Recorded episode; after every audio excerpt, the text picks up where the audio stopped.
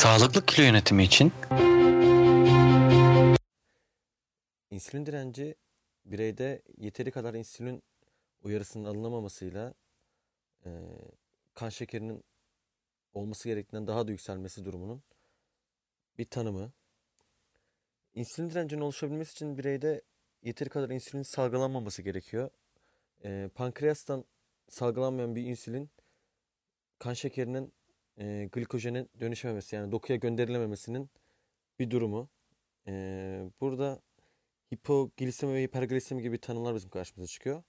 Hipoglisemi kan şekerinin normal normalde olması gerektiğinden daha düşük olması. Yani bazı insanlar kan şekerim düştü deyip kendini e, kötü hissettiklerinde çikolata yemesi durumu hipoglisemi olabilir aslında.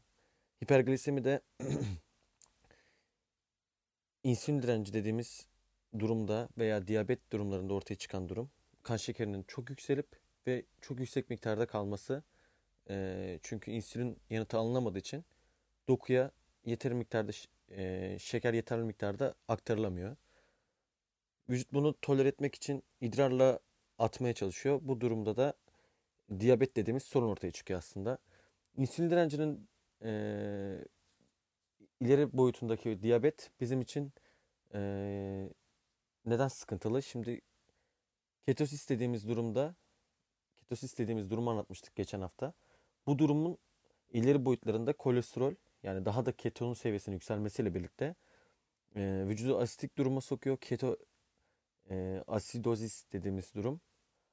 Bu durumda kolesterol yükseliyor. Damar sertliği ortaya çıkma ihtimali daha da artıyor. Ve bu durum kalp damar rahatsızlıklarını e, risklerini daha da arttırıyor. Yani bizim için önemli olan konu e, kişinin insülin direncinin kilo ile ilişkisi. İnsülin direnci dediğimiz durumda de, e, şeker dokuya yol, yollanamıyordu. Yani insülin bizim kan şekerimizi dokuya aktaran bir hormon aslında. Bu durumda bizim için e, ortaya çıkan sorunlar açlık, tatlı krizleri ve halsizlik olabiliyor. Şimdi vücutta kas glikojeni boş olunca e, yeteri miktarda doldurulamayınca kişinin spor performansı etkilenebilir. E, veya kişi birey spor yapmıyorsa da sürekli bir açlık ve sürekli bir tat, tatlı kriziyle baş başa kalması, sürekli bir şeyler atıştırması ihtiyacı, sürekli yemek yeme ihtiyacından dolayı e, kişiyi obeziteye sürüklüyor aslında. İnsülin direnciyle obezite birbiriyle çok ilişkili iki tanım.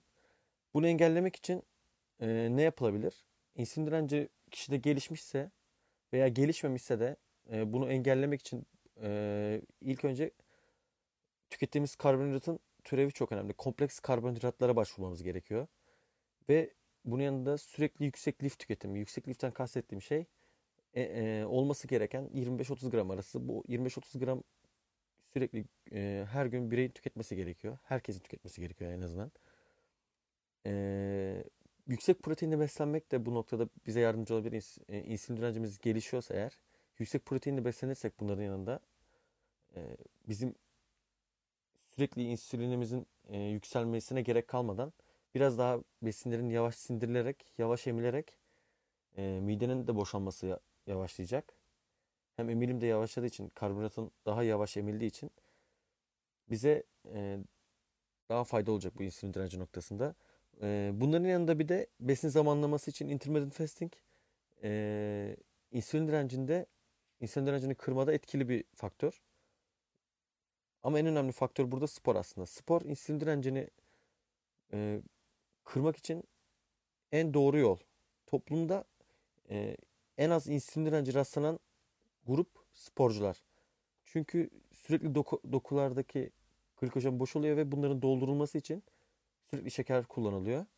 Bu insülinin e, insülin direnci bu noktada sporcularda gözlemlenmiyor bu yüzden. Araştırmalara göre D vitamininin e, kandaki düzeyi kandaki şeker düzeyiyle orantılı olduğu için kan şekeri düzeyinin e, dengelenmesinde D vitamini düzeylerinin önemli olduğu gösterilmiş. Bu ve bunun gibi e, örneğin tarçın kullanımı gibi böyle kan şekerini dengeleyecek minik trikler de bizim işimize yarayabilir. Dinlediğiniz için hepinize çok teşekkür ediyorum.